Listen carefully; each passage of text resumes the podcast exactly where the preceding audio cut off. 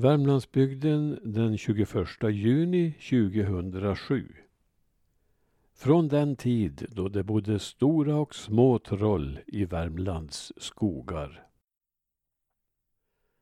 Att bergen befolkades av troll, det trodde man på lite varstans, även i norra Värmland. Dock var de inte så vanliga i det området utan de som ställde till mer bekymmer för människorna i bondesamhället, det var bergfolket. Dessa trodde man benhårt på och det var främst säterfolket som hade bekymmer med dem. Gränsen mellan troll och bergfolk var emellertid inte helt knivskarp. Det har berättats att en kar från Amnerud en gång gick in i Amnerudsskäret vid Östra Brönnessätern och där inne i berget gick han från sal till sal och blev antastad av bergfolket. De försökte ta av honom yxan eftersom stålet i den var hans skydd.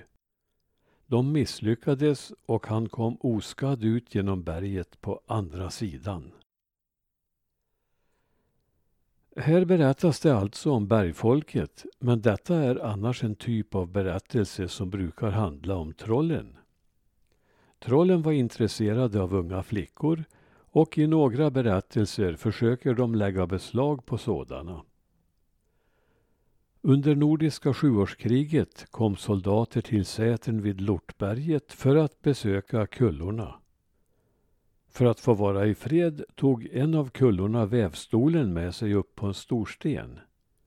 Hon drog upp stegen men trollen från Femtåsen lyckades på något vis ta sig dit och kunde ta kullan med sig. En snarlik berättelse handlar om Örsjöberget där en kulla satt och vävde på den stora fästepigstenen. Trollen ville ha henne till brud men de skulle inte komma åt henne förrän hon hade vävt färdigt. Så fort hon hade vävt en väv klar satte hon därför upp en ny. Till sist kom trollen ändå för att hämta henne. Då knöt hon halsduken om vallhunden och han sprang till bygden och fick med sig flickans föräldrar. De sköt skott över henne och då måste trollen ge sig iväg. Men märkena efter vävstolen finns ännu kvar. I Lars Bäckvalls Älvdalsarkivet finns mycket att hämta. Jag har redan låtit läsarna ta del av något av hans samlade vetande och här kommer lite till. Det är en berättelse från Norra Ny för gott och väl ett sekel sedan från den tid då det bodde stora och små troll i Värmlands skogar och den handlar om ett troll som släpade svansen. Högt uppe på ett berg låg på en grön vall några små grå säterstugor. En sommarkväll då säterkullorna satt och mjölkade sina kor som de lockat hem till Sätervallen genom att trumpeta i långa näverlurar kom det några drängar till Sätern. En av drängarna hade med sig sin fiol. Och när de små kullorna mjölkat alla korna gick de till drängarna som satt på den gröna vallen. Spelardrängen kallades han som spelade för de andra och alla dansade de förstås. I det stora bergets inre bodde en bergatrollfamilj som fick höra den underbara musiken och trampandet på deras väldiga salstak. I den stora trollfamiljen fanns en trollfröken som inte såg ut som vanliga troll utan mera liknade en prinsessa. Den lilla trollfröken blev glad när hon fick höra den vackra musiken och som hon gärna ville se den som spelade och om möjligt svänga med i dansen klädde hon sig i vanlig folkdräkt. Den leda svansen som hon blivit född med stoppade hon in i strumpan. Då hon kom upp till drängarna och kullorna hälsade hon så vackert att alla trodde att hon var den vilsegångna prinsessan som en konung i vårt grannland länge sökt efter.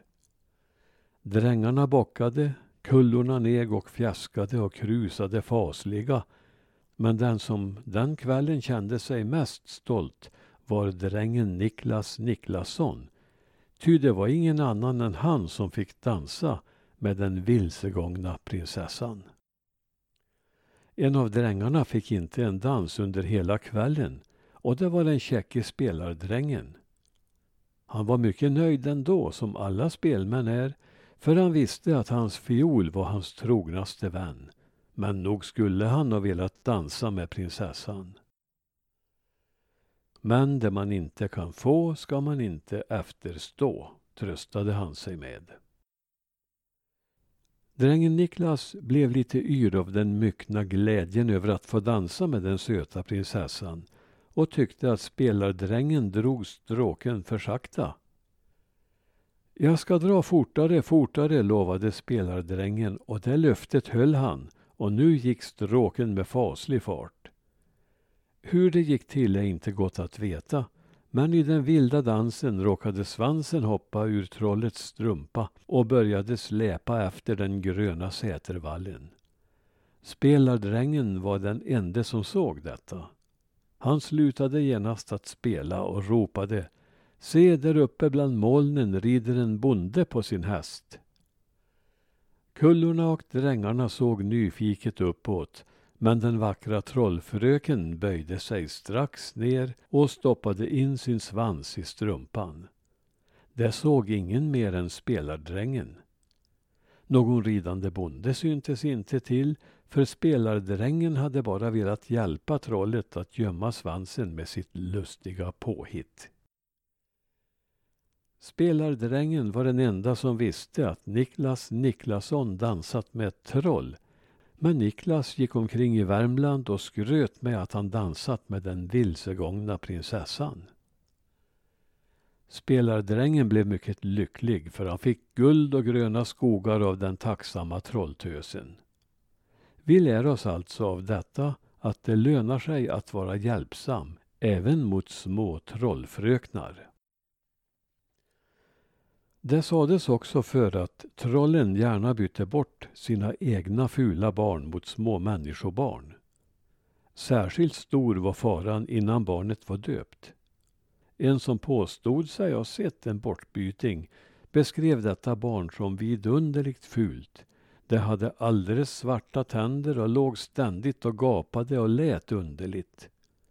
Benen var krokiga och uppvridna under hakan Huvudet var stort och rart, alltså underligt, till formen. Tron på bortbytingar har hållit sig levande och en gammal dam jag känner misstänkte, halvt på skämt, halvt på allvar, att hon var en bortbyting. Om trollen vore som denna mycket vänliga dam skulle ingen ha behövt vara rädd för dem.